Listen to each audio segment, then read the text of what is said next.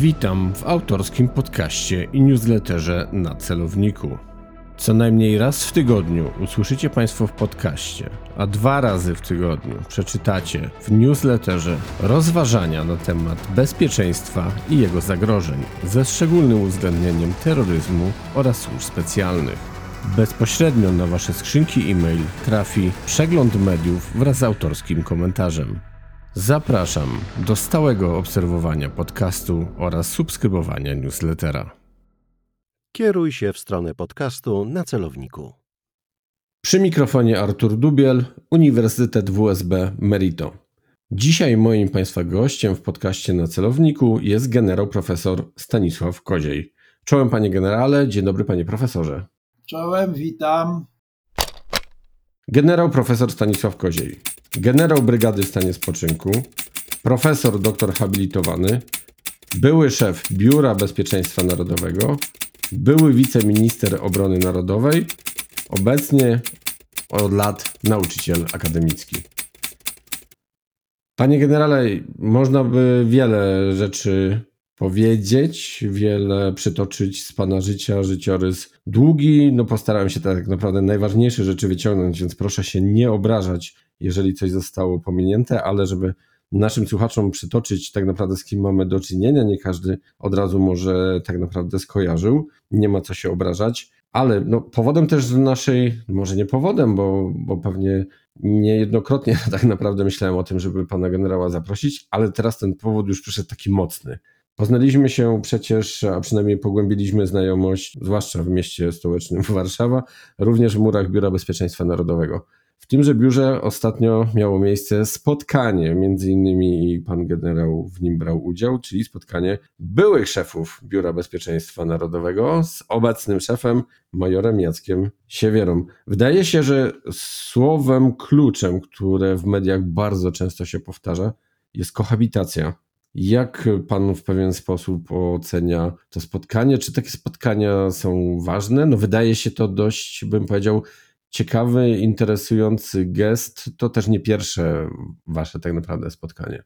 Drugie spotkanie już e, od czasu, kiedy ja przestałem być szefem Biura Bezpieczeństwa Narodowego. Może tylko przypomnę na początku, że za mojej kadencji takich spotkań było sporo. Ja zapraszałem wszystkich swoich poprzedników co jakiś czas. Spotykaliśmy się, rozmawialiśmy, dyskutowaliśmy przy różnych okazjach e, takich codziennych, ale zwłaszcza przy okazjach różnych świąt, e, gdzie okoliczności były ku temu sprzyjające. Ja wyciągałem z tego bardzo e, dużo pożytku, bo jednak moi poprzednicy, starsi, doświadczeni ludzie, którzy pełnili te obowiązki w różnych warunkach innych i tak dalej, dzielili się swoim doświadczeniem. No i mm, trochę mi było tak e, smutno, że, że po moim odejściu jakoś ta mm, tradycja trochę upadła i bardzo się cieszę. Jestem wdzięczny obecnemu szefowi BBN-u, panu ministrowi Siewierze, że powrócił do tej tradycji i zapra- zaprosił nas. To już było drugie spotkanie. W ubiegłym roku takie spotkanie również e, mieliśmy mój udział w tym spotkaniu tak trochę traktuję jakby na dwóch poziomach. Z jednej strony z takim pewnym sentymentem e, jechałem do Biura Bezpieczeństwa Narodowego. Tam jest sporo ludzi, pracuje jeszcze z moich czasów. Moi następcy, zarówno minister Solow, jak i minister Siewiera, nie dokonali na szczęście jakichś radykalnych zmian kadrowych, jakichś czystek, tak jak to w modzie było niestety na przykład w Ministerstwie Obrony Narodowej za ministra Macierewicza. W BBN-ie nic takiego nie było wielkiego.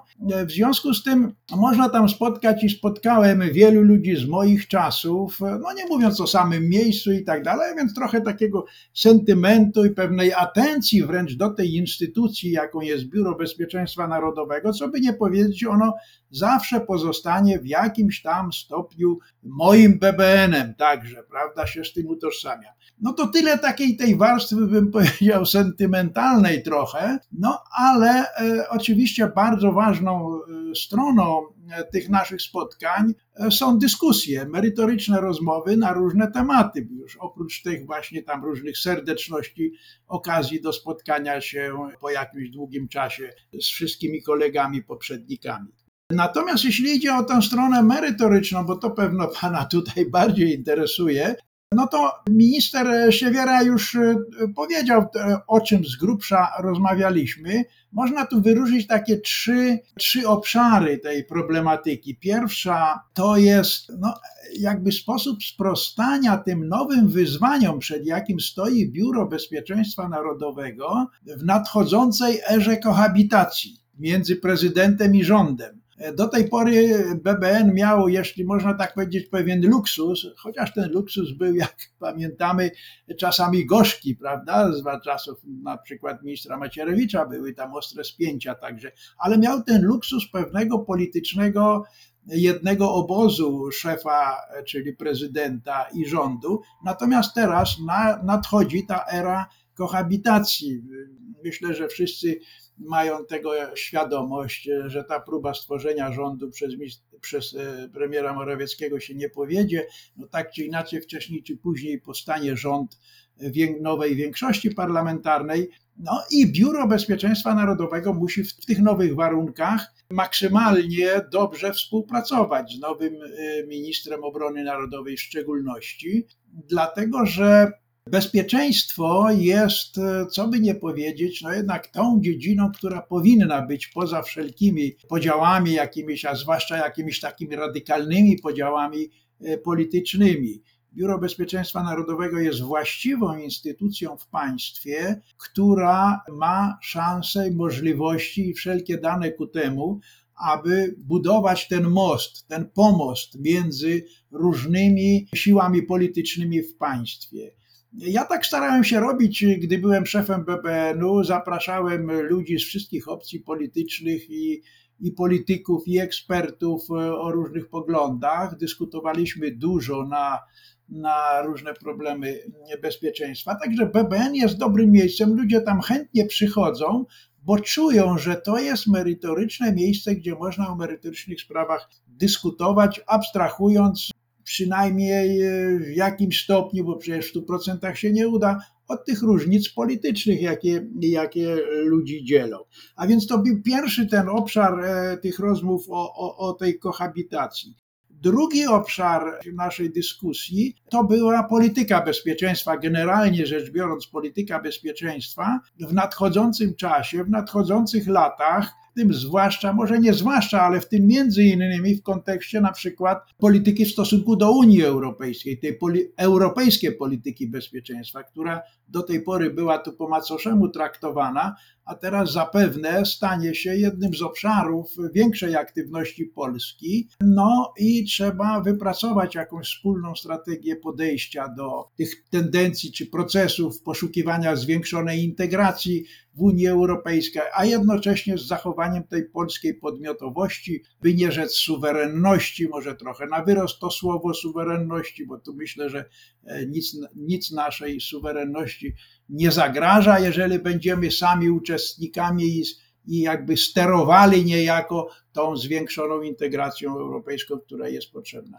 No i trzeci obszar, który, o którym sporo też rozmawialiśmy, związany z inicjatywą prezydencką, e, ustawową, dotyczącą e, zmian czy też nowych uregulowań w zakresie szeroko rozumianego kierowania bezpieczeństwem narodowym, a w tym także tym systemem kierowania i dowodzenia siłami zbrojnymi, tym takim skrótowcem skidem, e, który zajmuje sporo uwagi e, ekspertów, zwłaszcza ekspertów wojskowych. Więc to są te trzy takie wielkie obszary. Ja oczywiście w rozmowie z Panem nie chciałbym tu referować w żadnym wypadku e, przebiegu naszych rozmów, natomiast chętnie możemy porozmawiać, jak ja widzę te różne kwestie z tych obszarów, o których tutaj mówiłem, jeśli to będzie Pana interesowało, czy też z innych, z innych obszarów, jak ja widzę właśnie te główne wyzwania, przed jakim stoi ta moja instytucja, jaką jest Biuro Bezpieczeństwa Narodowego w nadchodzącym czasie. Myślę, że wzajemne oczekiwania, panie generale, są całkowicie zbliżone. Szanując również naszych słuchaczy, myślę, że i oni chętnie tego wysłuchają. Ja się w pewien sposób cieszę, bo pan generał potwierdza słowa osób, które i bezpośrednio, i pośrednio były związane z Biurem Bezpieczeństwa Narodowego, i one bardzo często podkreślały, że jest to miejsce, w którym występuje wysoka kultura organizacji. I to, co pan generał wspominał, wydaje mi się, że właśnie to, to potwierdza. Druga taka kwestia, no wydaje się, że w BB nie ma miejsca i, i chyba jest to zasługa ministra Siewiery, że ma miejsce właśnie pewnego rodzaju takie nowe otwarcie. To, co pan generał mówił, ale nie tylko mówił, bo, bo sam przecież i, i w tym uczestniczyłem, spotykaliśmy się między innymi w ramach Strategicznego Forum Bezpieczeństwa i też byłem gościem przecież w, murach BBN-u i było widać, że to otwarcie jest, otwarcie na najróżniejsze ośrodki, tak aby poznać różne punkty widzenia. A teraz wydaje się, że chyba trochę jest podobnie, że właśnie Biuro Bezpieczeństwa Narodowego, ośrodek prezydencki, przypominam, bo może nie wszyscy do końca to tak kojarzą, no jednak y, otwiera te swoje drzwi, wychodzi naprzód. Na nowo przecież wychodzi wydawnictwo Bezpieczeństwo Narodowe, które jakąś przerwę niestety też zaliczyło. Ale jak pan generał by widział to, co kiedyś było już, nawet nie przyklejając za przeproszeniem łatek z nazwiskiem czy z okresem, ale te Biuro Bezpieczeństwa Narodowego kiedyś, dzisiaj, a w przysłowiowym jutrze, bo pan generał sam wspomniał o nowych wyzwaniach, to jest kwestia i polityki, to jest kwestia i bezpieczeństwa, których chodzi, nie wiem, jakbyśmy jako idealiści chcieli, nie da się do końca rozdzielić, bo przecież sam pan generał do tego w pewien sposób szedł, że tak się wyrażę, i, i, i ja to też tutaj podłapię. Polityka i strategia bezpieczeństwa. No właśnie, w Europie wspólne, osobno, to jest idealistyczne, potrzebne. No, zagrożenia trochę się zmieniają, ale umówmy się, cele strategiczne Polski, no zdecydowanie nie.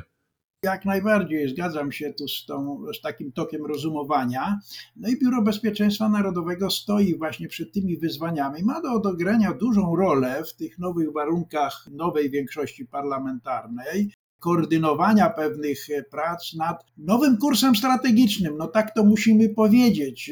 Jednak różnice między poprzednim obozem politycznym Prawa i Sprawiedliwości a obecnym, obecną większością parlamentarną, która jest w trakcie przejmowania odpowiedzialności za państwo. Jednak te różnice są dosyć istotne w niektórych punktach i w związku z tym trzeba będzie wypracować nową koncepcję podejścia do tego bezpieczeństwa. Ja wręcz uważam, że jest pora, czas, gorący czas nad rozpoczęciem prac nad nowelizacją strategii bezpieczeństwa narodowego, nad nową strategią bezpieczeństwa narodowego i w ogóle nowym cyklem strategicznym, bo może powiedzmy tutaj naszym słuchaczom, że ten wielki cykl strategiczny w państwie obejmuje, rozpoczyna się od e, koncepcji strategicznej, od strategii bezpieczeństwa narodowego, tej generalnej wizji, która później jest przekuwana w polityczną, strategiczną dyrektywę obronną, która zawiera główne zadania wszystkich struktur państwa na czas zagrożenia i wojny.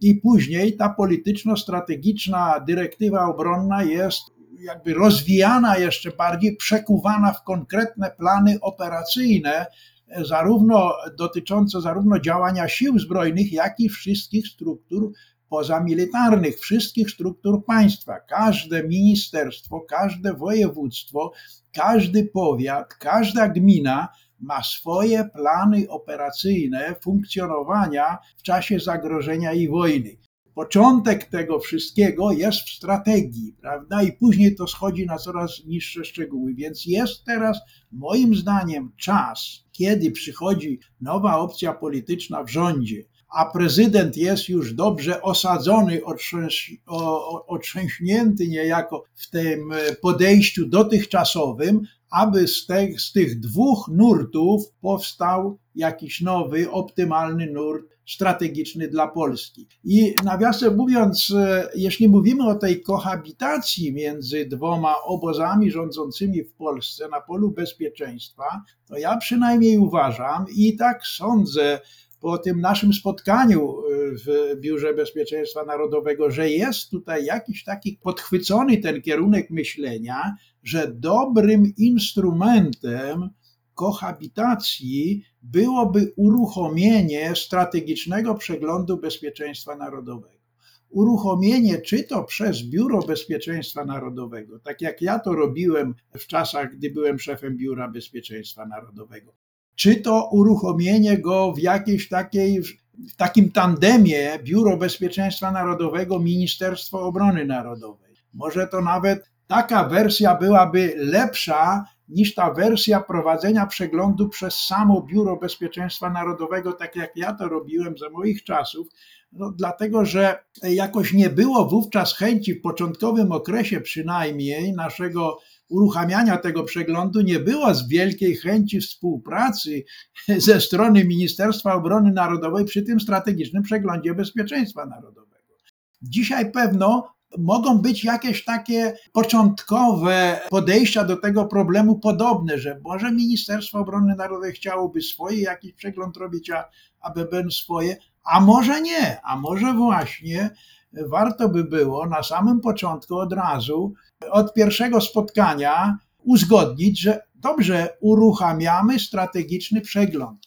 Ministerstwo Obrony Narodowej, tak prawdę mówiąc, nowy minister musi przecież dokonać audytu, tak zwanego audytu tego wszystkiego, co do tej pory robił minister obrony narodowej. W szczególności jest to konieczne z tego powodu, że te decyzje dotychczasowe, które się przejawiają zwłaszcza w tych potężnych zakupach różnych, ale nie tylko w zakupach, bo przecież także i w polityce, w podejściu na przykład do Unii Europejskiej, do Ukrainy i tak dalej, Wszystkie te decyzje ministra obrony narodowej, spektakularnie wyrażane w programach zakupowych, one nie mają, nie pokazane jest uzasadnienie tych decyzji. To jest największy, że tak powiem, zarzut moim zdaniem do odchodzącego ministra obrony narodowej, że on podejmował wolontarystycznie, samowolnie potężne decyzje o potężnych konsekwencjach przyszłościowych dla państwa, tym przyszłościowych finansowych chociażby, ale nie tylko, bo przecież i rozstrzygających już w dużym stopniu o, o przyszłości, o charakterze armii, sił zbrojnych, że on podejmował te decyzje nie informując na przykład Sejmowej Komisji Obrony Narodowej, czy na Radzie Bezpieczeństwa Narodowego, czy to na jawnych forach, tam gdzie chodzi o pieniądze, to przecież łaski nikt nie robi, to powinno być jawnie wszystko wytłumaczone, czy na niejawnych posiedzeniach, jeśli mówimy o jakichś decyzjach operacyjnych e, dotyczących sposobów działania i tak dalej, minister nie robił, nie pokazywał żadnych uzasadnień. W związku z tym opinia publiczna, my, wyborcy, obywatele, ale także ta nowa władza nie wie, czy te decyzje są rzeczywiście trafne, konieczne, potrzebne, czy nie. Minister Obrony Narodowej nowy musi uruchomić ten audyt, a ten audyt powinien mieć charakter właśnie takiego strategicznego przeglądu spraw obronnych, przynajmniej, jeśli nie całego bezpieczeństwa narodowego, to przynajmniej spraw wojskowych. I uważam, że przy współpracy z BBN-em taki przegląd, przynajmniej przegląd wojskowy jako minimum, tak bym to powiedział, w MONie powinien być zorganizowany i przeprowadzony dla zdefiniowania, zweryfikowania, sprawdzenia, czy te programy rozwoju sił zbrojnych mają uzasadnienie strategiczne, operacyjne w możliwych ocenach zagrożeń, w opcjach tych zagrożeń, w sposobach działania, planach operacyjnych NATO, kompatybilność tych naszych planów obronnych i jak to rzutuje na przyszłość sił zbrojnych, na rozwój sił zbrojnych, na ich budowanie. Bo nie wystarczy mówić, że 300 tysięcy, nie wystarczy mówić, że WOT jest ważny i tak dalej, i tak dalej. To wszystko musi mieć jakieś uzasadnienie.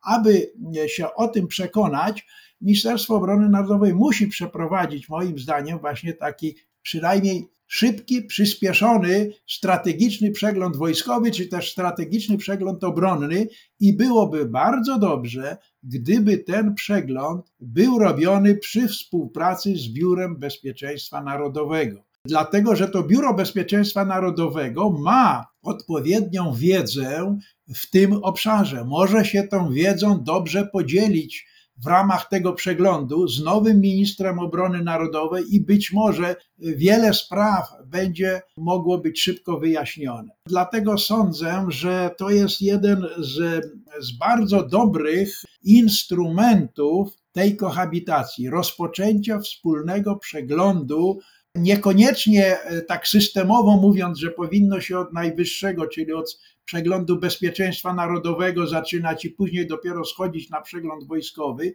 W tym przypadku, ponieważ zmienia się władza, należałoby rozpocząć jednak od dołu, tak bym to powiedział, ten przegląd strategiczny, dlatego że zweryfikowanie decyzji o wielkim ciężarze budżetowym, finansowym i o wielkich konsekwencjach strategicznych jest pilnie potrzebny rządowi nowemu, ministrowi obrony nowemu, aby wiedział, miał komfort podejmowania kolejnych decyzji, że ok, to jest wszystko w porządku, idziemy dalej, rozbudowujemy, kontynuujemy albo coś tam zmieniamy, coś odrzucamy, coś korygujemy i tak dalej. To jest niezbędnie konieczne i będę obserwował, jak to e, właśnie e, będzie przebiegało. Czy uda się Ministerstwu Obrony Narodowej wspólnie z BBN-em przeprowadzić taki strategiczny przegląd wojskowy, czy też strategiczny przegląd obronny w formie audytu przejmowanego spadku po poprzednim ministrze obrony narodowej.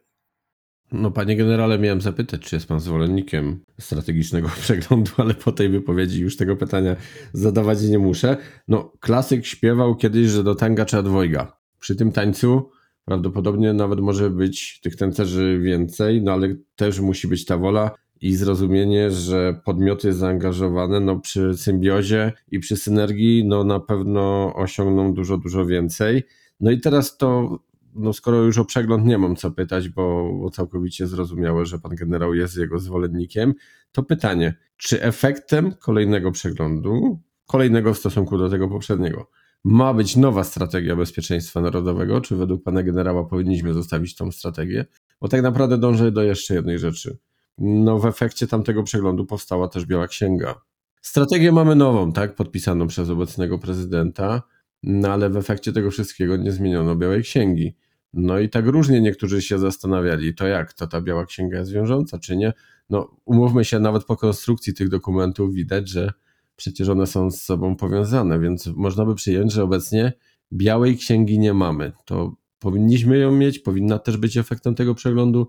I wracam jeszcze do początku, czy w sumie strategia bezpieczeństwa narodowego również powinna wyjść nowa, bo tak na marginesie na koniec jeszcze powiem, no martwi mnie, że co 6-7 lat wychodzi zmieniona nowa strategia bezpieczeństwa narodowego.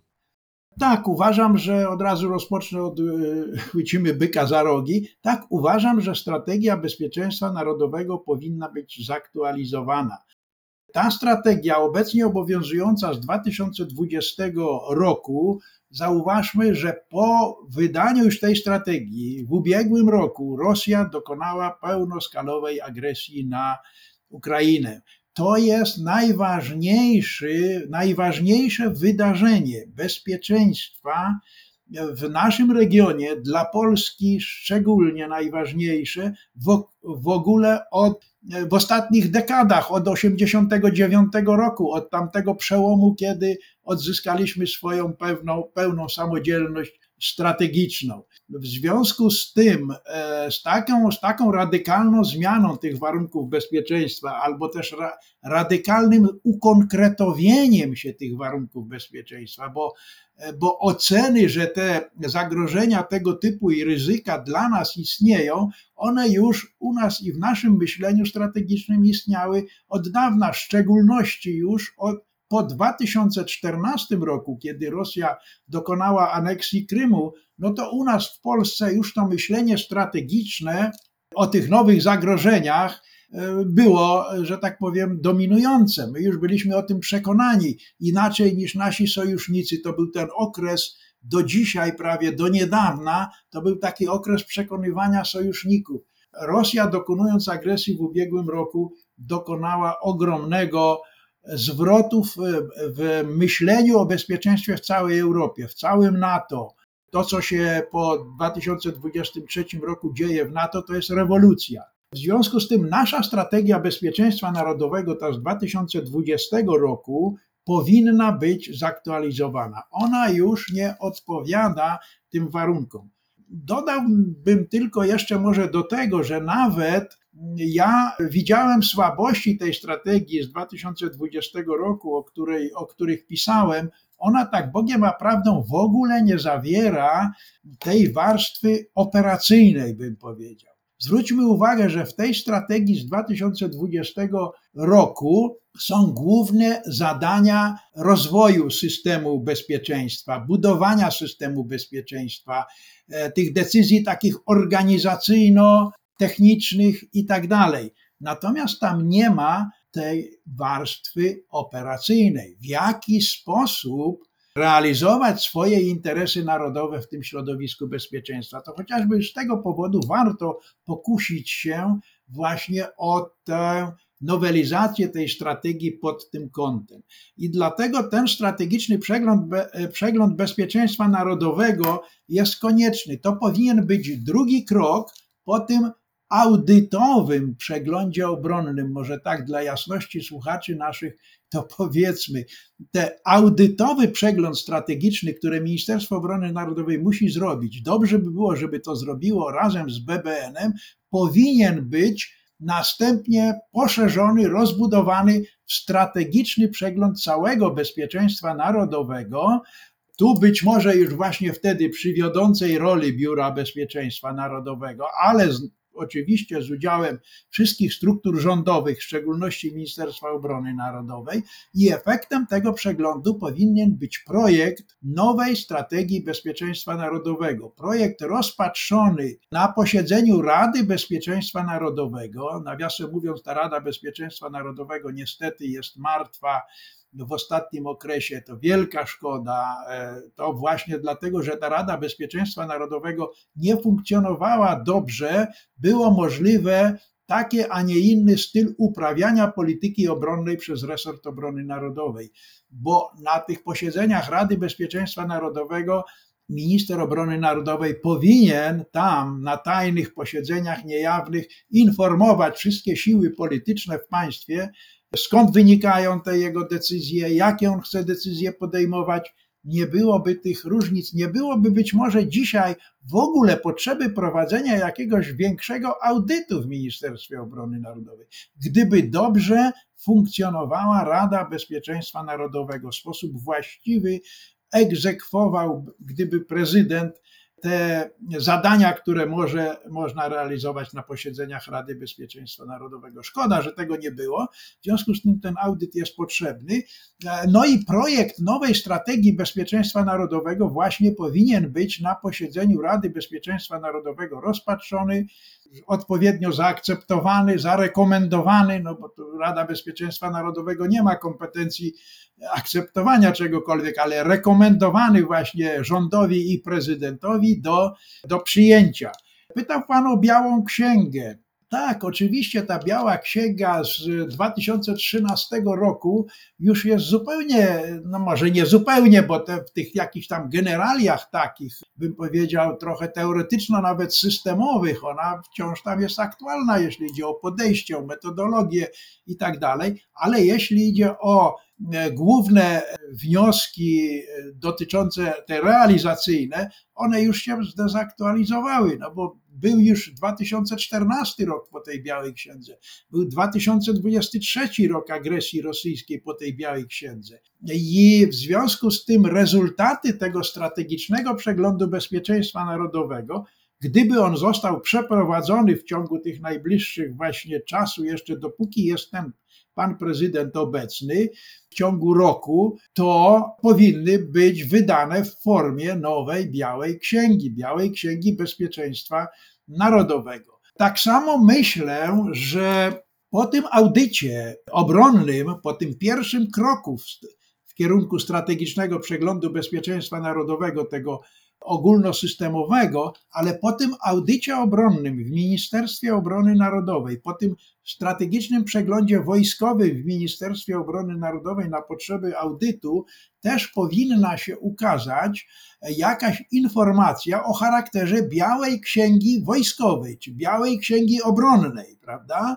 Nie Białej Księgi Bezpieczeństwa Narodowego, która była, miałaby szerszy charakter w przyszłości, ale teraz coś takiego w skróconej wersji Białej Księgi Obronnej, aby opinii publicznej, obywatelom Polski pokazać rzeczywisty stan armii i obronności, no w takim wymiarze, który może być oczywiście pokazany jawnie.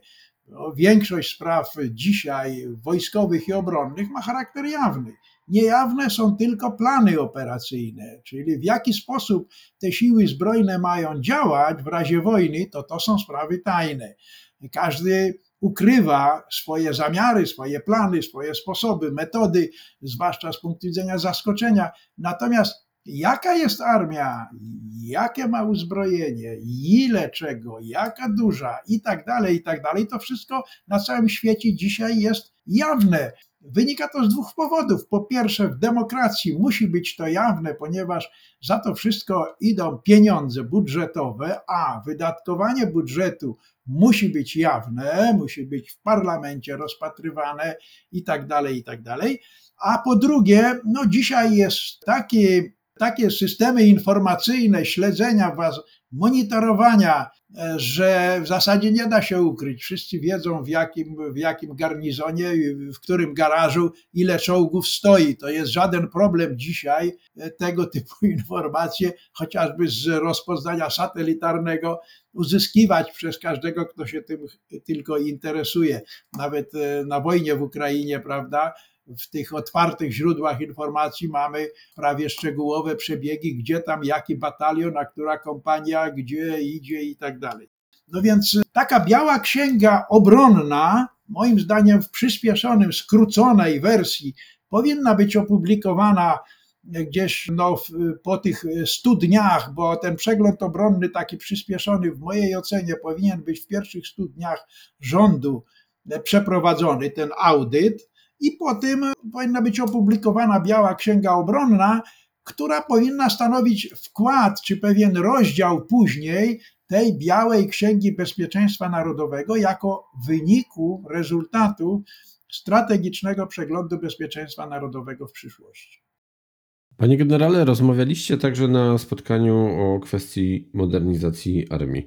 Nie chcę, bo staram się raczej prowadzić taki proces depolaryzacji, niepolaryzacji, więc już nie będę ani chwalił, ani ganił, bo staram się tego unikać, chociaż dzisiaj minister Siewiera myślę, że publicznego plusa od nas dostał, ale nie chcę, żeby pan generał, może nie oczekuję, że pan generał będzie oceniał, ale chciałbym się zapytać właśnie, jak te zakupy wyglądają, czy raczej powinny wyglądać? Czy one dzisiaj trochę niestety były takie wycinkowe, trochę pod świat mediów i pod przekaz? Czy aby na pewno to wszystko tworzyło system, który powinno tworzyć, bo przecież rozmawiamy i o nowoczesnym właśnie polu walki, o czym pan generał tak naprawdę wspomniał, o systemie dowodzenia, również tym nowoczesnym, o wykorzystaniu sztucznej inteligencji i to w czasie rzeczywistym, o tej sztucznej inteligencji, która zaczyna, no umówmy się, tak naprawdę podejmować autonomiczne decyzje i różne organizacje międzynarodowe też już to podnoszą, że powinniśmy te kwestie uregulować w prawie wojennym, chociaż jak zastosowaniem i egzekwowaniem prawa wojennego jest, no to wiemy, wojna rządzi się w pewien sposób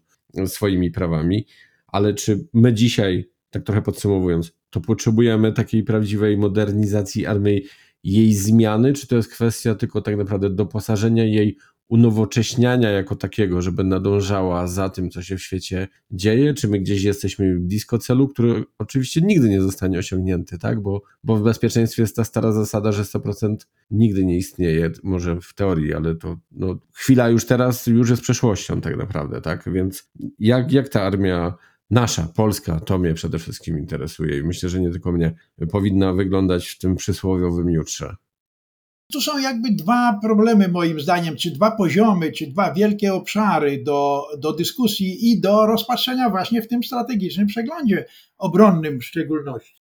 Pierwsze to jest ten problem pewnego dylematu, z którym się borykamy, ilość czy jakość? Co jest ważniejsze w rozwoju armii? Bo słusznie pan zauważył, że no, nigdy nie kończy się rozwój, prawda? Nigdy nie osiąga się tego stuprocentowego, że już koniec, mamy armię super, hiper, nic więcej nie robimy.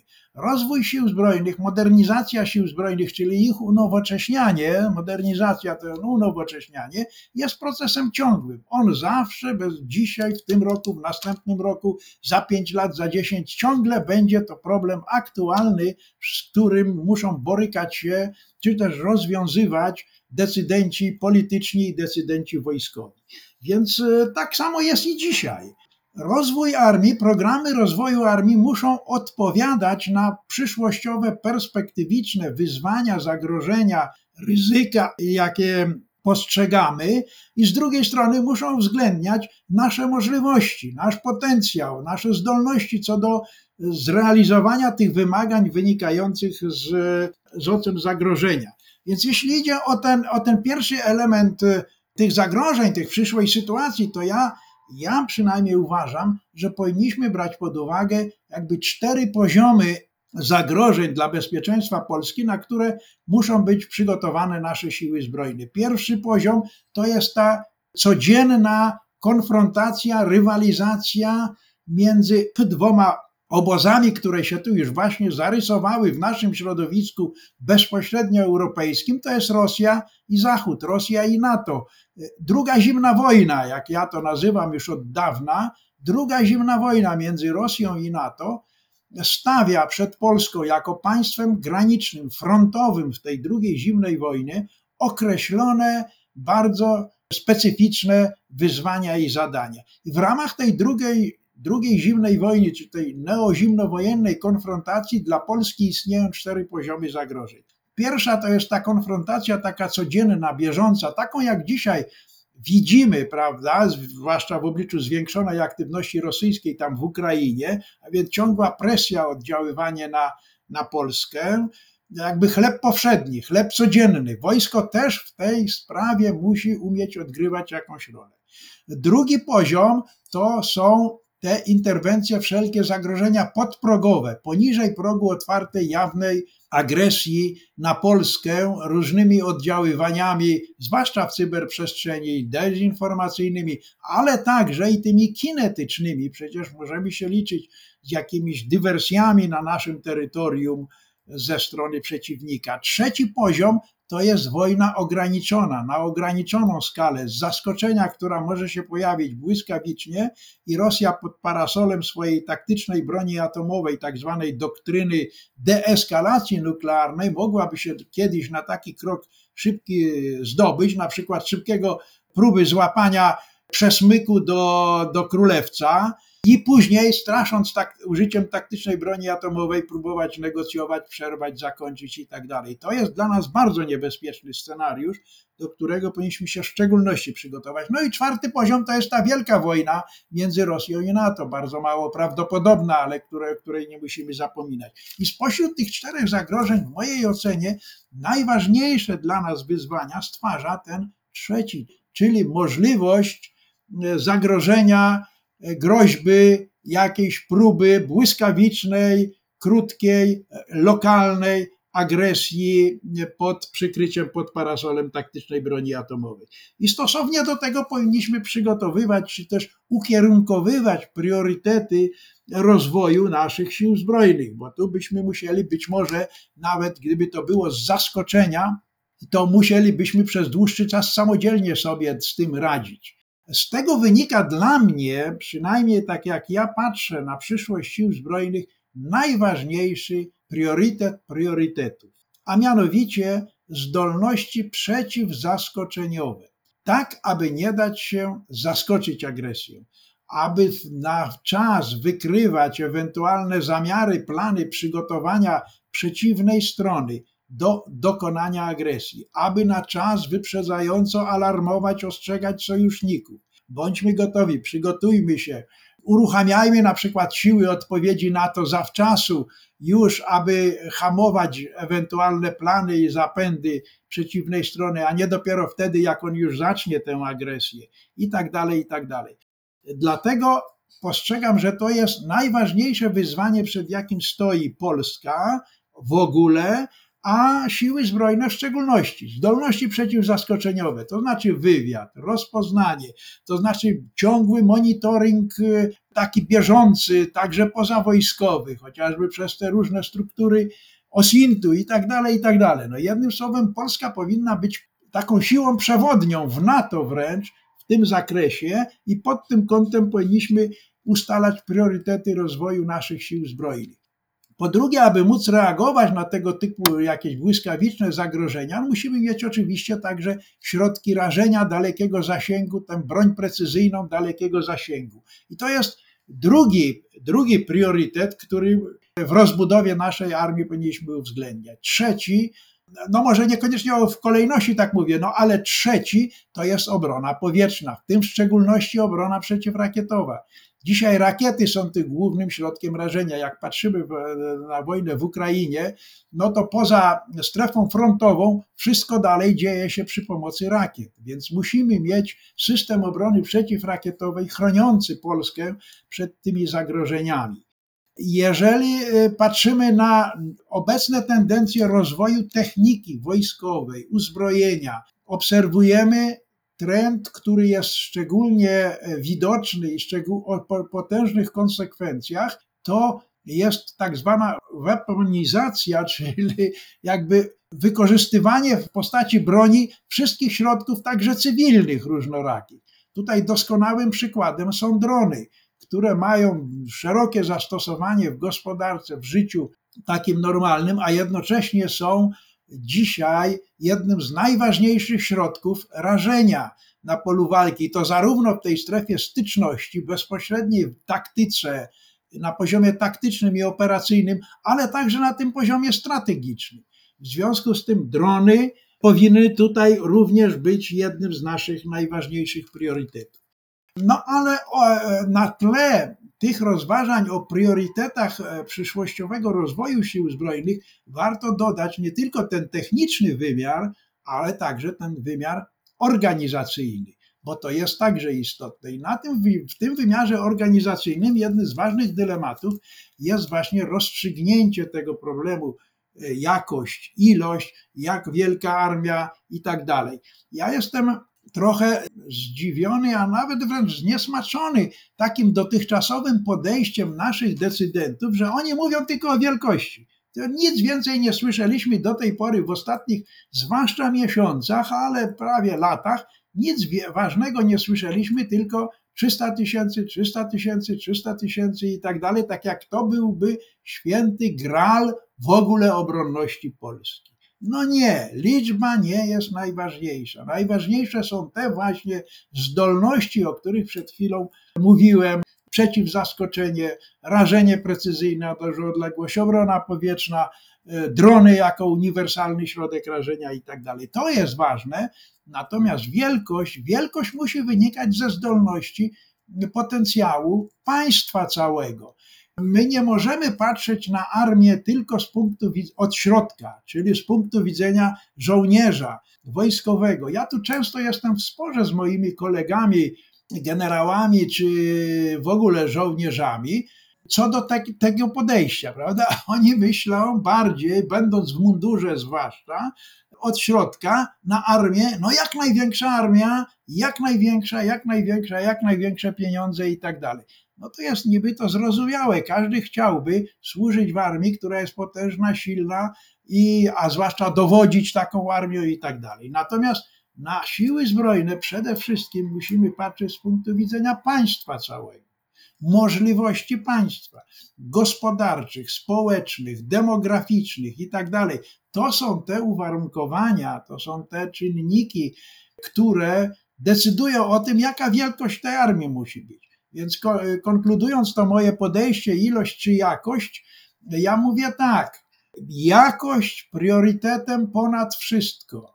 Tu powinniśmy koncentrować swoje wszelkie dążenia, plany i tak dalej. Natomiast wielkość, wielkość będzie zawsze zależała od możliwości państwa. Jakość na pierwszym miejscu, wielkość wynikająca z porównania tej jakości, kosztów jakości z możliwościami na, na wielkość tej armii. I jeśli jesteśmy przy tej stronie organizacyjnej, to jeszcze jeden element jest tutaj szczególnie ważny do podkreślenia: rezerwa, wojska rezerwy. Widzimy w Ukrainie, w wojnie rosyjsko-ukraińskiej, jak tym niemal w tej chwili już staje się tym głównym niejako ogranicznikiem, determinantą możliwości prowadzenia wojny, możliwość uzupełniania armii, rozwijania rezerw, szkolenia itd., tak itd. Tak w związku z tym u nas, także w Wojsku Polskim, niestety zaniedbaliśmy to wszyscy do tej pory od czasu przejścia na armię zawodową, jakoś nie udawało nam się. Ja pamiętam też moje różne próby jako szefa BBN-u Nie udawało się to i mnie się to nie udało, ale także i w następnych latach, które coraz bardziej ten problem wyostrzały, nikt do tej pory nie zbudował systemu przygotowania rezerw w warunkach armii zawodowej. To jest jedno z najważniejszych zadań i wyzwań obu tych priorytetów jakościowo-technicznych, bym powiedział, to jest zbudowanie rezerw. Ja jestem zwolennikiem, abyśmy zorganizowali i tworzyli formacje wojsk rezerwy, formacje rezerwowe, rezerwowe oddziały, pułki, bataliony, brygady, rezerwowe dywizje może.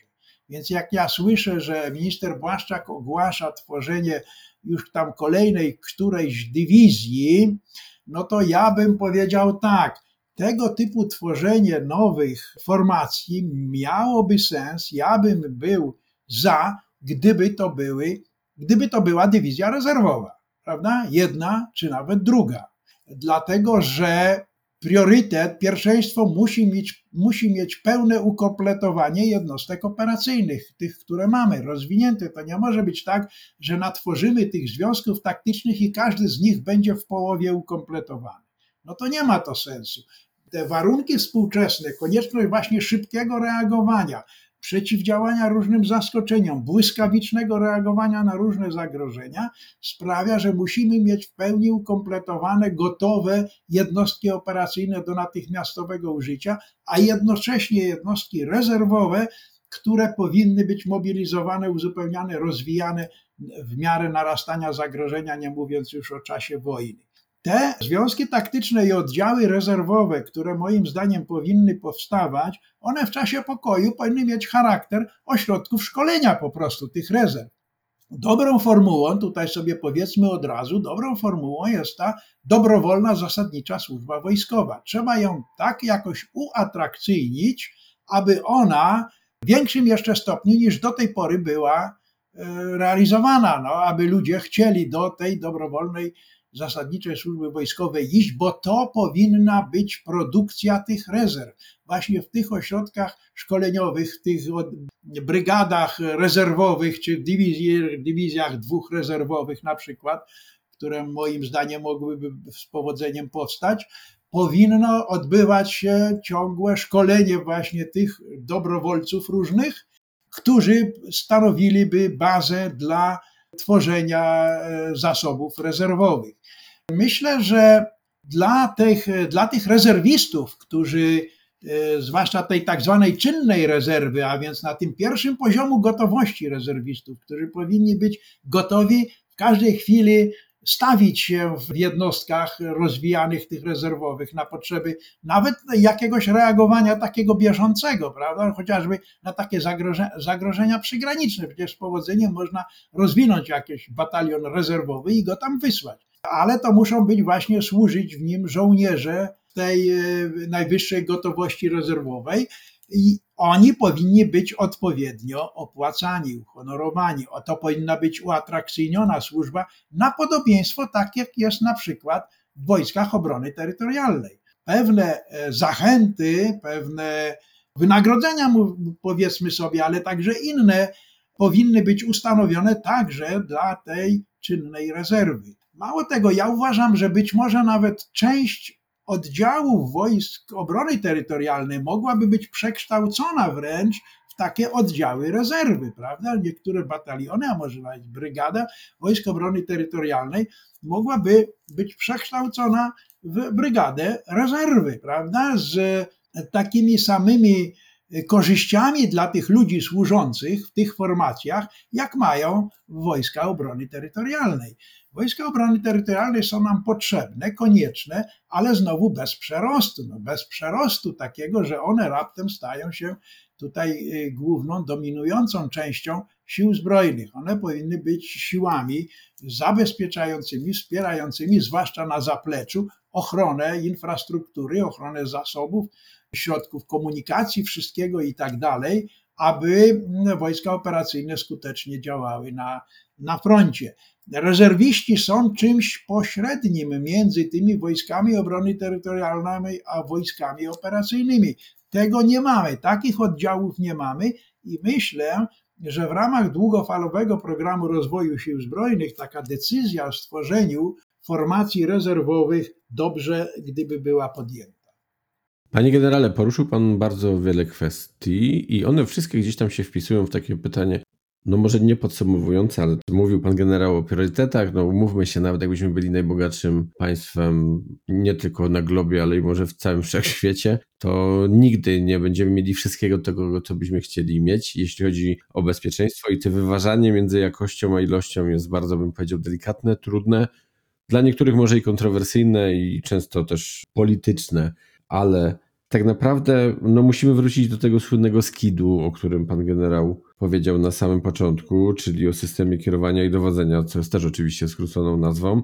I Mówił pan generał też i o swoich błędach gdzieś tam, czy, czy może niedokończonych pewnych projektach, bo to jest kwestia też przecież i wspominanych uzupełnień, tak? No moglibyśmy tu teraz zacząć rozmowę nad podziałem administracyjnym Polski, czy administracja wojskowa wygląda tak samo, czy ona w ogóle w jakikolwiek sposób odpowiada pewnym potrzebom w trakcie zagrożeń, ale przypuszczam, że doby by nam brakło. Stąd zapytam właśnie o, o tą słynną reformę systemu kierowania i dowodzenia, bo pojawia się taki no wydaje się dość ciekawy i nawet bym sensowny twór powiedział, czyli dowództwo połączone. Dowództwo połączone, ponieważ no, są pomysły na przywrócenie dowództw rodzajów sił zbrojnych.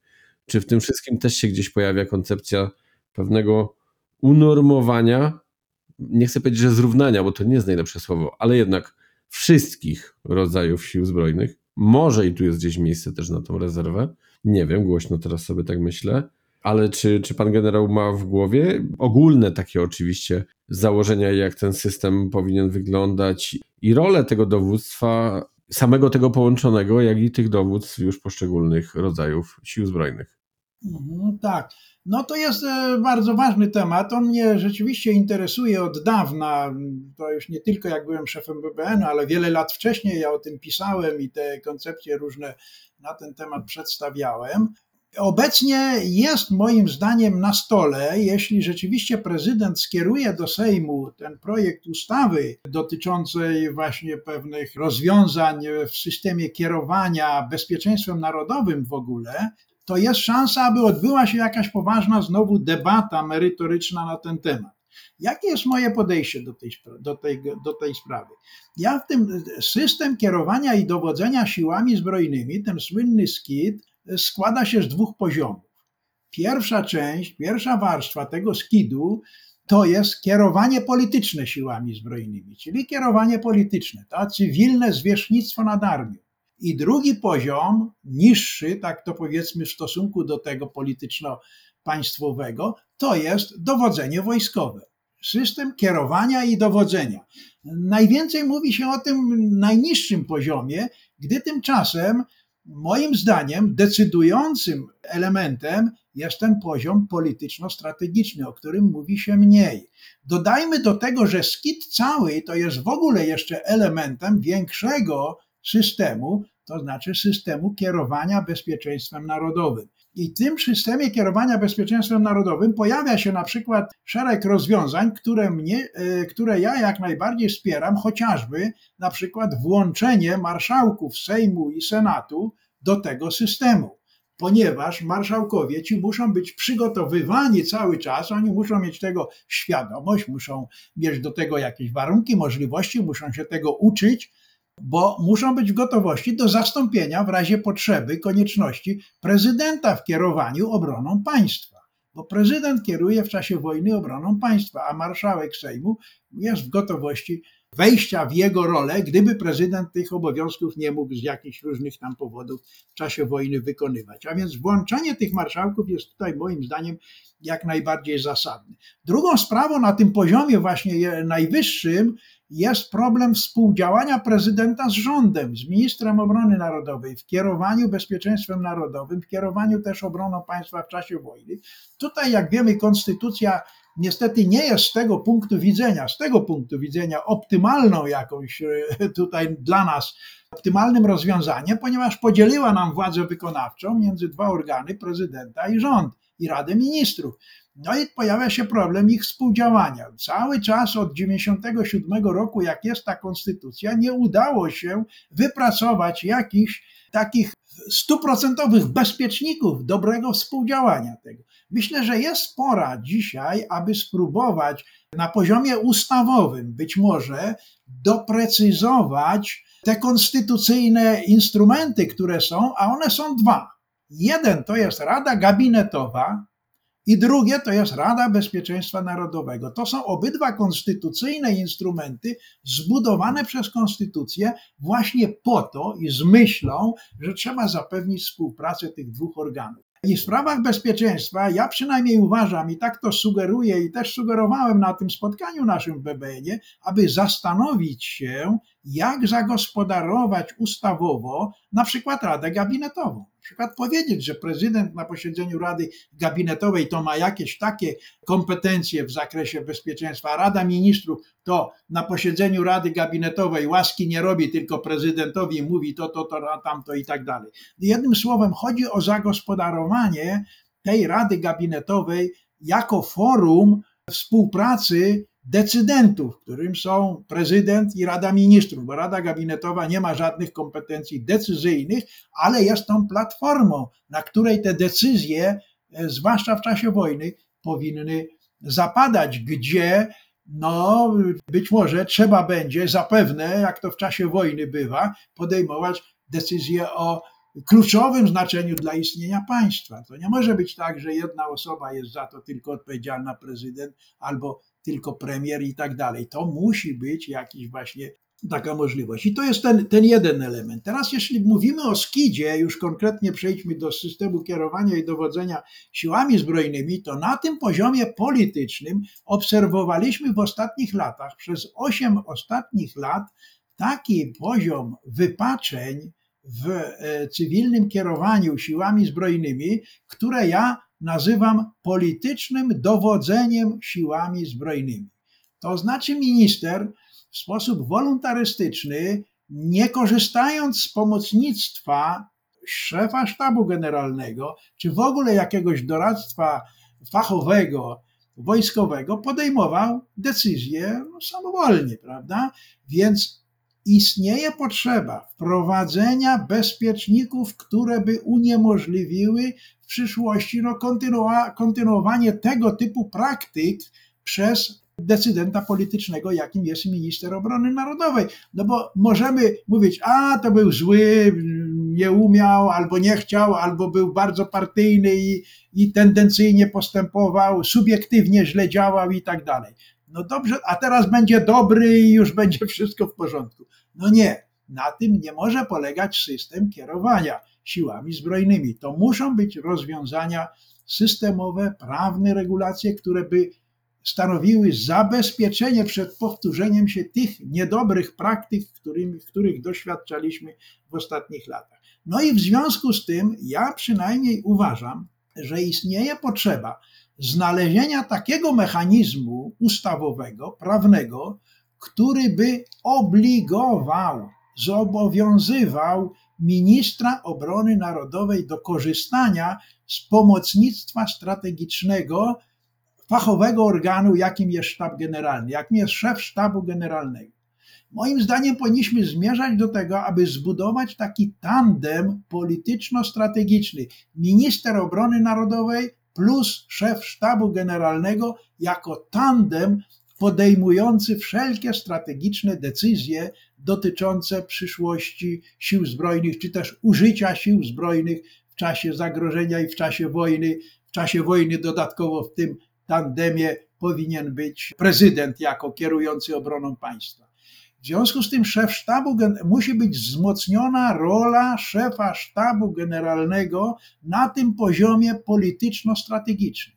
Szef sztabu generalnego nie może być zsyłany, wysyłany tam do dowodzenia siłami zbrojnymi, bo tak to się stało, prawda? Jak nastąpiła ta kontrreforma Skidu, to szef sztabu generalnego otrzymał e, funkcję dowodzenia siłami zbrojnymi. Aby się tutaj nie wtrącał, nie, za, nie zajmował się decyzjami ministra obrony narodowej, on ma dowodzić siłami zbrojnymi, wykonawczo realizować decyzję ministra obrony narodowej. To jest wbrew istocie cywilnego kierowania cywilnego zwierzchnictwa nad armią. Uważam, że tak jak jest w Stanach Zjednoczonych, tak samo i w Polsce najwyższy żołnierz, najwyższy żołnierz, prawda, ten pierwszy żołnierz Rzeczpospolitej powinien być po prostu prawą ręką ministra i prezydenta w podejmowaniu decyzji dotyczących sił zbrojnych i później w nadzorowaniu, w kontrolowaniu, czy te decyzje ministra, prezydenta, Rady Ministrów są właściwie realizowane przez dowódcę sił zbrojnych. I tutaj dochodzimy do momentu tego, jakby niższego poziomu, czyli dowodzenia siłami zbrojnymi, i pojawia się w tej propozycji prezydenckiej właśnie to, o czym pan pytał, wspominał, dowództwo połączone rodzajów sił zbrojnych. Poprzez połączenie obecnych dwóch dowództw, dowództwa generalnego i dowództwa operacyjnego, w jeden organ. Dowództwo połączonych rodzajów sił zbrojnych z jednoczesnym odtworzeniem oddzielnych, odrębnych dowództw poszczególnych rodzajów sił zbrojnych, wojsk lądowych, marynarki wojennej, sił powietrznych. Panie generale, jeśli mogę. Tak. Bo tak naprawdę właśnie chciałem o to teraz zapytać, tak? No bo pewnego rodzaju reforma, jeśli chodzi o dowództwa, już były. Jak pan generał zaczął wspominać, poszczególne rodzaje sił zbrojnych e, takie dowództwa posiadało. Od tego czasu to nieco się zmieniło, bo mamy jeszcze i wojska obrony terytorialnej, tak, z trochę inną podległością. Dlatego pytałem o te pewne unormowanie pewnych kwestii. Mamy wojska obrony cyberprzestrzeni, również trochę inaczej funkcjonujące. E, poprzednia reforma wprowadziła te słynne rozdzielenie na force user, force provider, tak? Kto chce, to takie małe zadanie dla naszych słuchaczy, niech doszuka, bo nie będziemy teraz tego tu rozwijać, ale chodziło o to, że dowództwo generalne ma swoją rolę, dowództwo operacyjne swoją.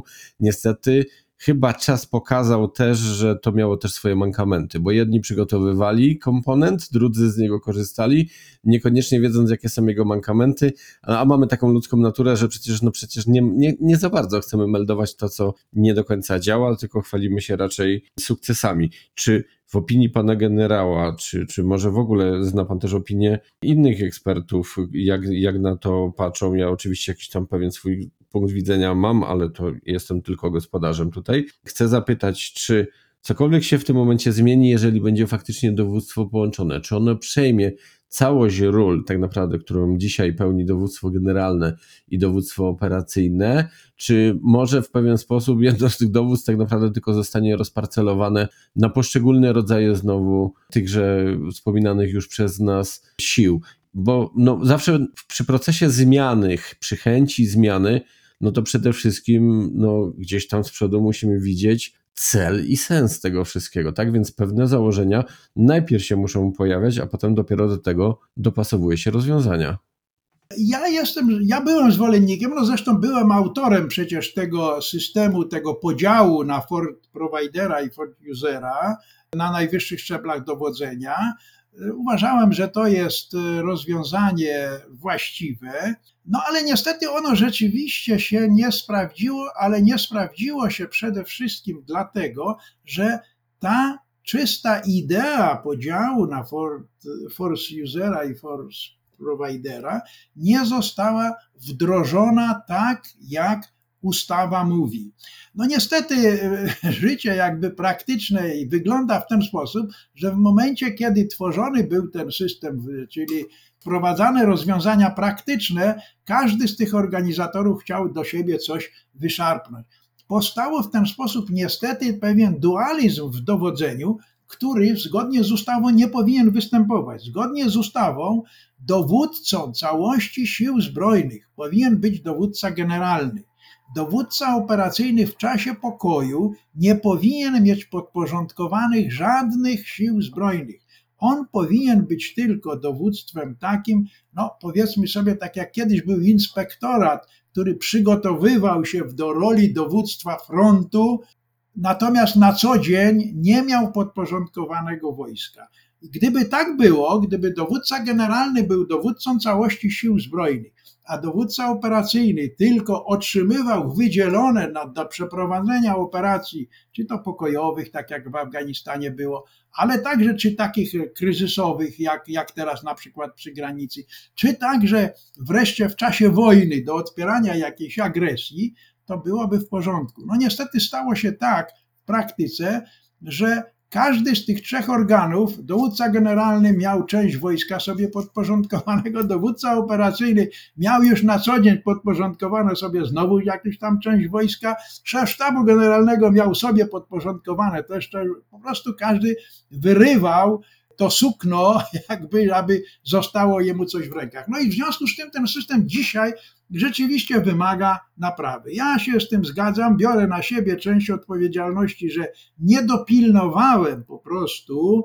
klasycznego wdrożenia koncepcji dowódca generalny, dowódca operacyjny, podziału tych, tych kompetencji, a przede wszystkim nie dawania dowódcy operacyjnemu w podporządkowanie już zawczasu wojsk. Tak, żeby nie było, że jest dwóch dowódców czy trzech dowódców. No niestety tak to w praktyce wyglądało.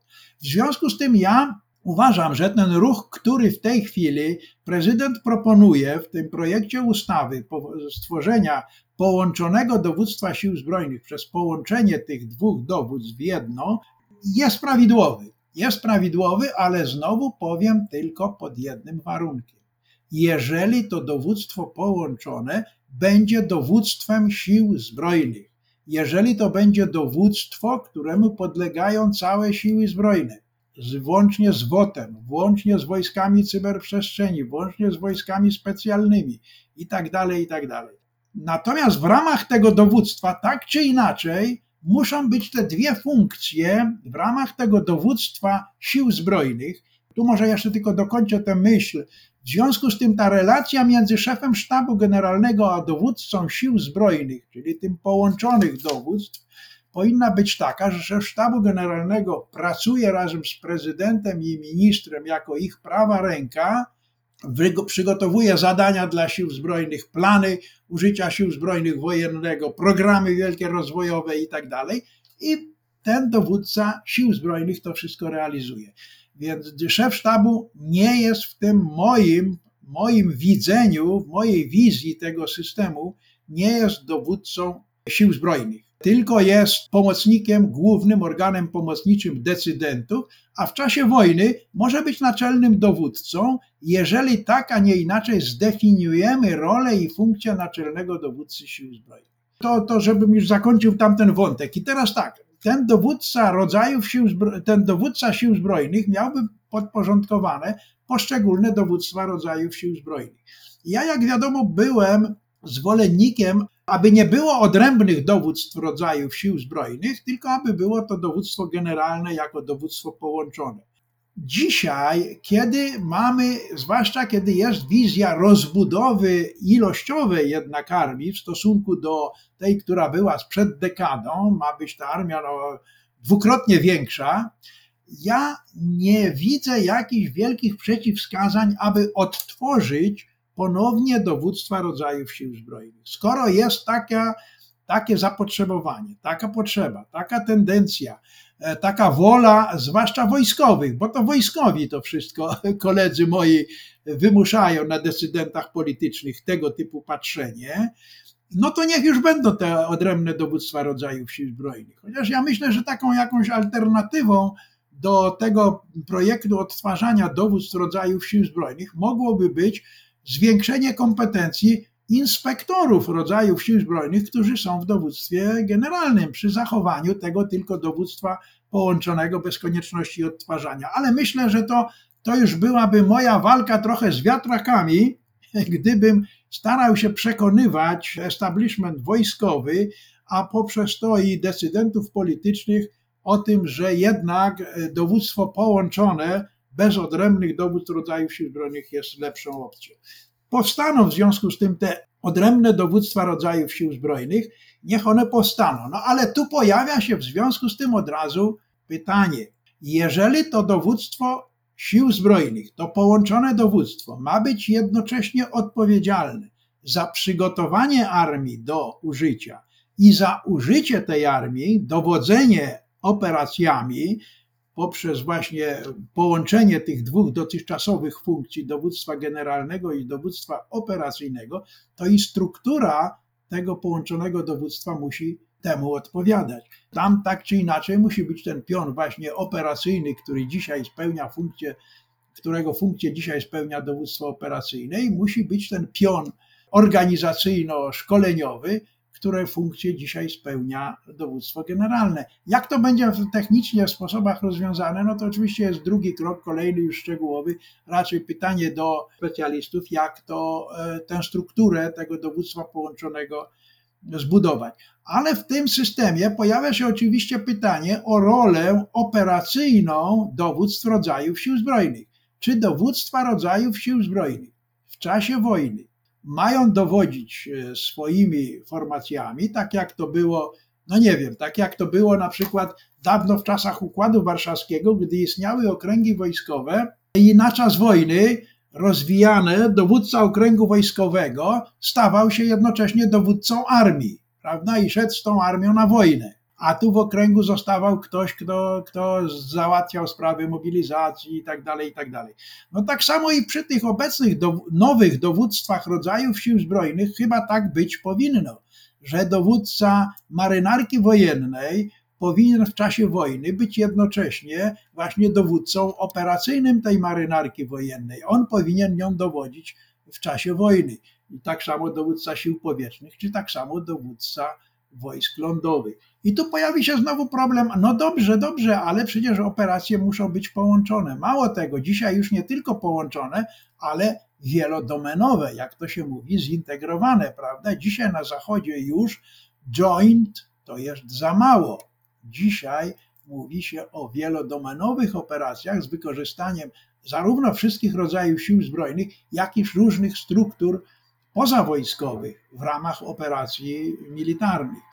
No więc jest wiele wyzwań, moim zdaniem, wiele problemów do dalszego szczegółowego rozważenia, ale najważniejsze jest, ja bym był tego zwolennikiem, aby ta przebudowa systemu kierowania i dowodzenia po pierwsze skoncentrowała się na tym poziomie polityczno-strategicznym, aby zapewnić właściwe zwierzchnictwo cywilne nad armią przy wykorzystaniu szefa sztabu generalnego jako tego organu fachowego, merytorycznego, narzucającego całą myśl strategiczną w skali państwa i aby to połączone dowództwo zintegrowane odpowiadało za całość sił zbrojnych, włącznie z wszystkimi tymi innymi, nie tylko tymi klasycznymi rodzajami, ale tymi nowymi, które powstały, powstały ostatnio, jak wojska specjalne czy wojska obrony cyberprzestrzeni, czy też mówi się, planuje się, rozważa, nie wiem czy to będzie zrealizowane, w powstaniu także komponentów wojsk medycznych. Więc to jest, to jest tego typu problematyka, która będzie musiała być dalej w szczegółach rozpatrywana. Nieskromnie powiem, panie generale, że chyba dobrze się ta rozmowa układa. Dlaczego? Bo cały czas wyprzedza pan moje pytania i poniekąd w pewien sposób się cieszę, bo właśnie chciałem za pytać, a właściwie to pytanie to tak troszeczkę się urodziło w trakcie wypowiedzi pana generała, albo raczej się doprecyzowało, może tak powiem. Odtworzenie dowództw, ok, bo rozumiem tego żołnierza nawet na samym dole, że on też chce mieć swojego dowódcę, który on będzie dbał o niego, tak, o wszelkie, czasem nawet bardzo poznaliczne sprawy, jest to całkowicie zrozumiałe, ale jak sam pan generał właśnie zauważył, te operacje połączone, ten słynny czynnik joint, tak, ta wielodomenowość, no te wspominane przecież dzisiaj przez nas nowoczesne pole walki, no raczej nie polega na wycinkowym działaniu, jeśli chodzi o tylko jeden rodzaj sił, to zazwyczaj jest pewnego rodzaju miks. Nie chcę już mówić, że hybryda, bo to słowo dawno temu straciło już na znaczeniu, jest całkowicie źle pojmowane tak naprawdę w odbiorze, a przez nadawców również, no nie czarujmy. No i czy tutaj może też się nie będą pewne problemy gdzieś tworzyć? Bo wydaje się, że takie wydzielanie może się okazać, że właśnie ten żołnierz na dole będzie się czuł bardziej, że tak się wyrażę, zaopiekowany, ale z drugiej strony, czy nie będziemy się rozdrabniać? A legnie gdzieś ta współpraca, no bo znowu tu będzie duża rola tego dowództwa połączonego, które będzie potrafiło to wszystko spinać. A tak naprawdę idę w jeszcze inny temat, czyli chyba coś, co u nas kuleje w ten sposób od zawsze. Systemowe podejście. W każdym systemie, który funkcjonuje, mamy przecież trzy poziomy, tak? Nie tłumaczę tego panu generałowi, tylko naszym słuchaczom przypomnę od najniższego poziomu taktycznego przez ten właśnie poziom operacyjny po poziom strategiczny. I ja mam wrażenie, że chyba jakiś taki mamy problem właśnie po środku, tak? Czyli z tym poziomem właśnie operacyjnym. Jeżeli tam nie będzie tej, że tak powiem, wielkimi słowami, wspaniałej, wielkiej współpracy, wzajemnego zrozumienia, rozumienia wspólnej misji każdego z komponentów, no to i tak będzie problem z wykorzystaniem tego potencjału, bo potencjał potencjalnie będzie, ale nie do wyciśnięcia. No ma pan rację, tak. No to jest właśnie ten dylemat połączoności, czy też wielodomenowości, bo ja już uważam, że już y, powinniśmy to joint traktować jako coś rutynowego, samo przez się zrozumiałego, natomiast tym wielkim wyzwaniem jest ta wielodomenowość. No i będzie na pewno ten problem przy odtworzeniu dowództw rodzajów sił zbrojnych. Jeżeli taka decyzja zapadnie, to zauważmy, że punkt ciężkości wszystkich wojskowych przeniesie się na te nowe dowództwa rodzajów sił zbrojnych. Każdy marynarz będzie chciał służyć w dowództwie marynarki wojennej, a nie tam gdzieś w Warszawie w jakimś dowództwie połączonym. Bo co on tam będzie robił? Każdy lotnik będzie wolał służyć w dowództwie sił powietrznych, bo to będzie kwintesencja jego dotychczasowej kariery, przyszłej i tak dalej, i tak dalej, kolegów, znajomych, środowiska, a nie w dowództwie połączonym, a nie w sztabie generalnym. Już i tak do tej pory mieliśmy z tym ogromny problem. To przecież nieprzypadkowo problem z, na przykład z, z, nauczycielami w akademii, z marynarzami, żeby prowadzili tam wykłady. No bo po co on miał przyjeżdżać do Rembertowa, siedzieć w Rembertowie, jak on mógł tam sobie w Gdyni nad morzem wdychać i patrzeć cały czas na fale, może od czasu do czasu wyjść, a nie tutaj gdzieś z lądowcami razem siedzieć. A joint, a tym bardziej jeszcze ta wielodomenowość wymaga preferencji dla tej połączoności, także i w karierze rozwojowej żołnierzy. Także myślę, że ta problematyka wielodomenowości, tego joint, musi być bardzo wysoko postawiona we wszystkich warstwach myślenia i praktyki wojskowej polityce kadrowej na przykład. Preferowanie musi być, muszą być te umiejętności, konieczność. Nie możesz awansować u siebie w swoim rodzaju sił zbrojnych, jeżeli nie przejdziesz przez te szczeble inne połączone. Musi być stworzona uczelnia. Ja na przykład jestem zwolennikiem przekształcenia tej Akademii Sztuki Wojennej w Akademię Bezpieczeństwa Narodowego, w którym ta wielodomenowość mogłaby być praktykowana dydaktycznie, naukowo, w nauczaniu tych ludzi, którzy tam by przychodzili na te najwyższe kursy operacyjne i strategiczne, z łączeniem od razu tych wszystkich wymiarów pozamilitarnych, bo na tym polega ta wielodomenowość współczesna prowadzenie operacji zintegrowanych wojskowo-cywilnych, ale na poziomie nie, nie takiej współpracy cywilno-wojskowej w różnych tam misjach gdzieś e, humanitarnych, tylko właśnie w boju. Bezpośrednie operacje bojowe. Więc e, jest tu wiele ogromnych wyzwań. Ja też się tego obawiam, jak szybko e, temu sprostamy. sprostamy. Obawiam się takiego błyskawicznego efektu w chwili powołania dowódz rodzajów sił zbrojnych odpływu zainteresowania kadry oficerskiej służbą w zintegrowanych strukturach, w tych połączonych, w połączonym dowództwie, w sztabie generalnym na rzecz chęci ucieczki do dowództw rodzajów sił zbrojnych. Ciekawa koncepcja i tutaj w wielu kwestiach na pewno można by się zdecydowanie zgodzić, no bo wiadomo, że żołnierz też patrzy na, na swoją karierę i taki delikatny przymus zaliczenia, nazwijmy to takiego stażu, pewnie byłby z korzyścią dla wszystkich i dla żołnierza, który być może te swoje, ja proszę, żeby się żaden żołnierz nie obrażał, ale klapki na oczach jednak poszerzył. No i w tym momencie korzyść, tak jak powiedziałem, byłaby dla wszystkich. Ciekawa też ta koncepcja dotycząca Akademii Sztuki Wojennej, no bo mówmy się, pan generał też wspominał i o tym, nazwijmy to komponencie niemilitarnym, ale mamy przecież też sporo resortów siłowych i służb w ramach nich. One też mają swoje uczelnie i tak każdy, brzydko mówiąc, trochę jedzie po swojemu, a znowu brakuje tego elementu właśnie tej współpracy i wróciłbym tutaj do tego poziomu właśnie operacyjnego w całym systemie, no bo przecież to też można by w pewien system ubrać i nie tylko pod kątem naukowym oczywiście Mhm. do tego podejść. Ale panie generale, bo ja słyszałem przynajmniej jeden z kilku wywiadów, który pan generał udzielał. To było w Radiu Tok FM, bo uczciwie chcę podejść, gdzie, gdzie to słyszałem, więc wspomnę.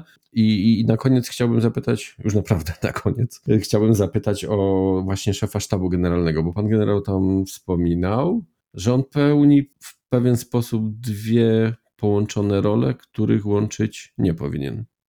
Dokładnie, dokładnie i to jest moim zdaniem najważniejszy punkt e, reformy, czy też dostosowania naszego systemu kierowania siłami zbrojnymi, jako tego podsystemu w systemie kierowania i dowodzenia, tego systemu kierowania siłami zbrojnymi przez władze państwa, przez cywilnych zwierzchników, którzy muszą korzystać z profesjonalnej, fachowej pomocy, bo wiadomo, że zawsze na ministra obrony narodowej przyjdzie cywil, który niekoniecznie ma jakiekolwiek do tej pory nawet styczność z, wojską, z wojskiem. Grunt, że on jest siln, silną osobowością polityczną, bo to jest ważne, aby minister obrony narodowej miał silną pozycję w obozie rządzącym, aby on mógł walczyć zdecydowanie o te potrzeby strategiczne dla armii, które zawsze są tymi potrzebami gdzieś tam perspektywicznymi, które z reguły przegrywają z tymi potrzebami bieżącymi,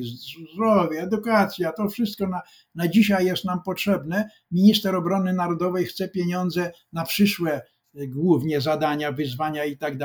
Więc jeśli minister obrony narodowej nie ma silnej pozycji politycznej w rządzie, no to armia na tym traci. Te perspektywy rozwojowe na tym tracą. Dlatego jest bardzo ważne, aby on miał silną pozycję. A jeżeli tak, to on niekoniecznie musi mieć doświadczenie wojskowe. Dlatego kluczem w demokracjach dla właściwego funkcjonowania systemu kierowania politycznego armią, czy systemu nadzoru nad armią, czy systemu cywilnej kontroli nad armią, jakbyśmy to nie nazwali, jest współpraca ministra z tym fachowym, profesjonalnym organem, jakim w każdej armii prawie jest szef sztabu generalnego. I u nas także. No i ten szef sztabu generalnego, aby on mógł obiektywnie, niezależnie doradzać decydentowi, jakie decyzje w stosunku do wojska podejmować, on nie może przecież być jednocześnie wykonawcą tychże decyzji ministra, które zapadną, czy prezydenta, prawda? On nie może występować jednocześnie w dwóch rolach, być sędzią w swojej sprawie. Nie może być tak, że on zaproponuje ministrowi, panie ministrze, tutaj tworzymy nową brygadę. Tak, minister mówi, no dobra, podejmuje decyzję, tworzymy nową brygadę, czy tam nową dywizję i później tenże szef sztabu generalnego, jako dowódca sił zbrojnych, realizuje tę decyzję, tak? No, to on będzie proponował takie rozwiązania, które będą wygodne dla, później dla niego w realizacji, prawda? Nie zaproponuje jakiegoś ogromnie trudnego zadania, bo później się spali na przykład, no, po, po co mi to? Jak ja później sobie zęby wybiję na wykonywaniu tego zadania, nie, to wolę mu doradzać coś takiego łatwiejszego. Albo z drugiej strony, prawda, otrzymuje to zadanie, wykonuje to zadanie i melduje później prezydentowi czy ministrowi, jak on wspaniale to zadanie wykonał. Wszystko wykonane, panie ministrze, tak jak to zaproponowaliśmy, zaplanowaliśmy, tak ja zaproponowałem taką decyzję, pan minister ją podjął, ja ją wykonałem, no wszystko ok. No to jest przecież logicznie, wewnętrznie sprzeczne. Dlatego, jeżeli chcemy, aby cywilne zwierzchnictwo nad armią, demokratyczna kontrola nad siłami zbrojnymi była profesjonalna, była dobra, e, skuteczna, właściwa, musimy zapewnić decydentowi politycznemu niezależne doradztwo, wsparcie, pomocnictwo profesjonalne, fachowe organu, jakim jest szef sztabu generalnego. Dlatego ten szef sztabu generalnego, w mojej ocenie, i tu nie dam się chyba przekonać nikomu, nie powinien być jednocześnie dowódcą wykonawczym sił zbrojnych.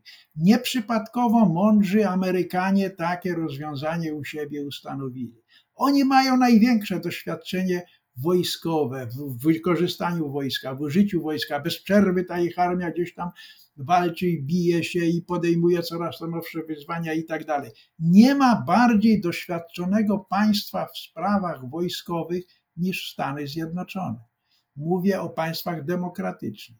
I jeżeli oni mają takie od dawna, dawien dawna rozwiązanie i go podtrzymują, że najwyższy rangą wojskowy to jest prawa ręka prezydenta i sekretarza obrony w decyzjach dotyczących sił zbrojnych, ale nie jest on w łańcuchu dowodzenia, no to nie jest to przypadek. Ja jestem zwolennikiem tego rozwiązania i myślę, że gdybyśmy to rozwiązanie naprawdę wprowadzili w Polsce, poprawilibyśmy bardzo kierowanie państwowe, polityczne kierowanie siłami zbrojnymi, wszelkie programy rozwojowe, użycia w czasie wojny i tak dalej. Bardzo poprawilibyśmy tego jakoś, uniknęlibyśmy tego typu wypaczeń, których tutaj byliśmy świadkami przez ostatnich 8 lat. Byłoby to z korzyścią dla państwa i z korzyścią dla sił zbrojnych, które mogłyby być dowodzone przez dowódcę sił zbrojnych, tego wykonawczego, który by realizował te decyzje, a szef sztabu by tylko patrzył, czy on dobrze te decyzje robi, wykonuje i meldował ministrowi, co, jak siły zbrojne realizują zadania stawiane przez władze polityczne. Panie generale, by postawić już pewnego rodzaju kropkę, bo wydaje mi się, że świadomie bądź nieświadomie trochę jesteśmy dyplomatami, ale mówimy o pewnej kwestii jeszcze nie nazwanej, za chwilę użyję tego sformułowania.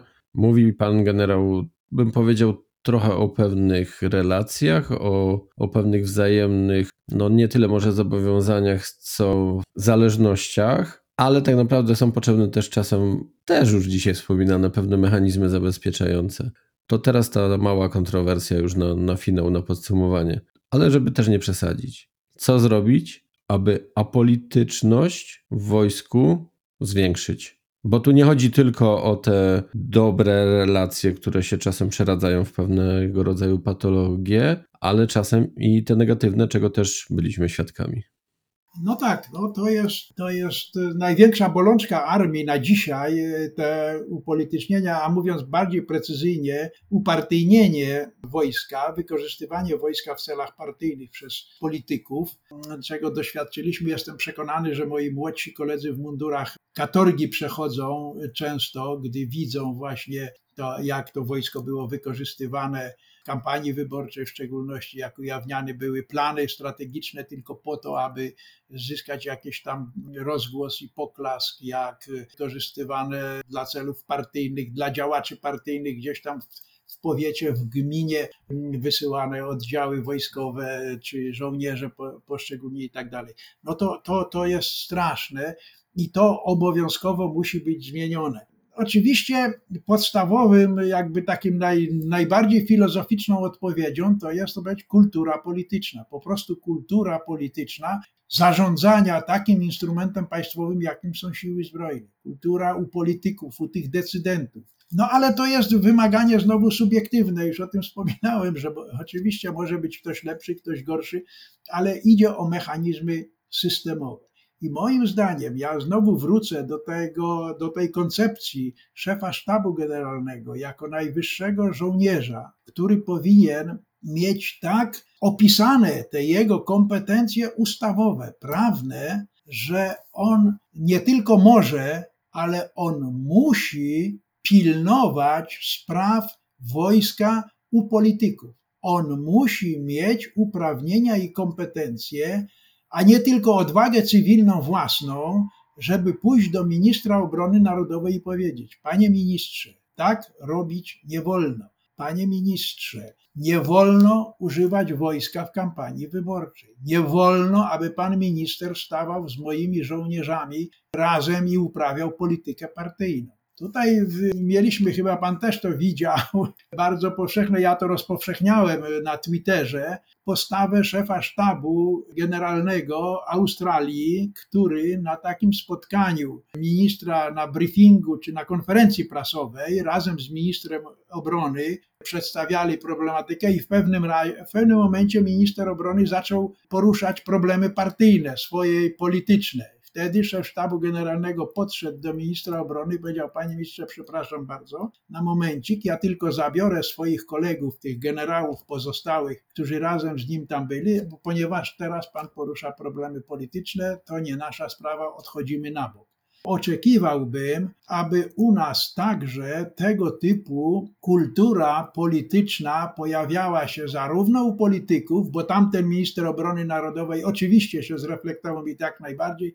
panie generale, proszę bardzo, a więc nie tylko wśród polityków ta kultura polityczna była, ale także u wojskowych. No ale to, tak jak mówię, nie można tylko oczekiwać, że jeden generał będzie odważny, będzie miał tę odwagę cywilną, aby tak ministrowi obrony powiedzieć, a drugi nie, no i wtedy wojsko będzie cierpiało, a przy tamtym wojsko będzie ok, ubezpieczone. To muszą być mechanizmy wprowadzone prawne, kompetencyjne, aby ten szef sztabu generalnego, nawet jeśli jest ze słabszą odwagą cywilną, to był zmuszony do ochrony wojska przed politykami. On jest, powinien być tą taką strażą czuwającą nad właściwą polityką władz państwa wobec wojska. Jeżeli to nie jest realizowane, no to dla niego jedynym instrumentem takim ostatecznym jest właśnie podanie się ostentacyjne, podanie się do dymisji. I chyba z takim przypadkiem mieliśmy do czynienia ostatnio. I na tym na dzisiaj już postawmy faktyczną kropkę. Dzisiaj moim Państwa gościem w podcaście na celowniku był generał profesor Stanisław Koziej, były szef Biura Bezpieczeństwa Narodowego. Bardzo serdecznie dziękuję, panie generale. Dziękuję bardzo za zaproszenie. Do usłyszenia w przyszłości, mam nadzieję, kiedyś. Bywajcie zdrowi, bywajcie bezpieczni. Kieruj się w stronę podcastu na celowniku. Wszystkie odcinki podcastu na celowniku dostępne są w ponad 20 największych platformach podcastowych, a także w serwisie YouTube. Zapraszam także do subskrybowania newslettera na celowniku pod adresem www.nacelowniku.com. Jeśli doceniasz podcast i newsletter na celowniku, zapraszam do wspierania w serwisie Patronite pod adresem patronite.pl ukośnik na celowniku.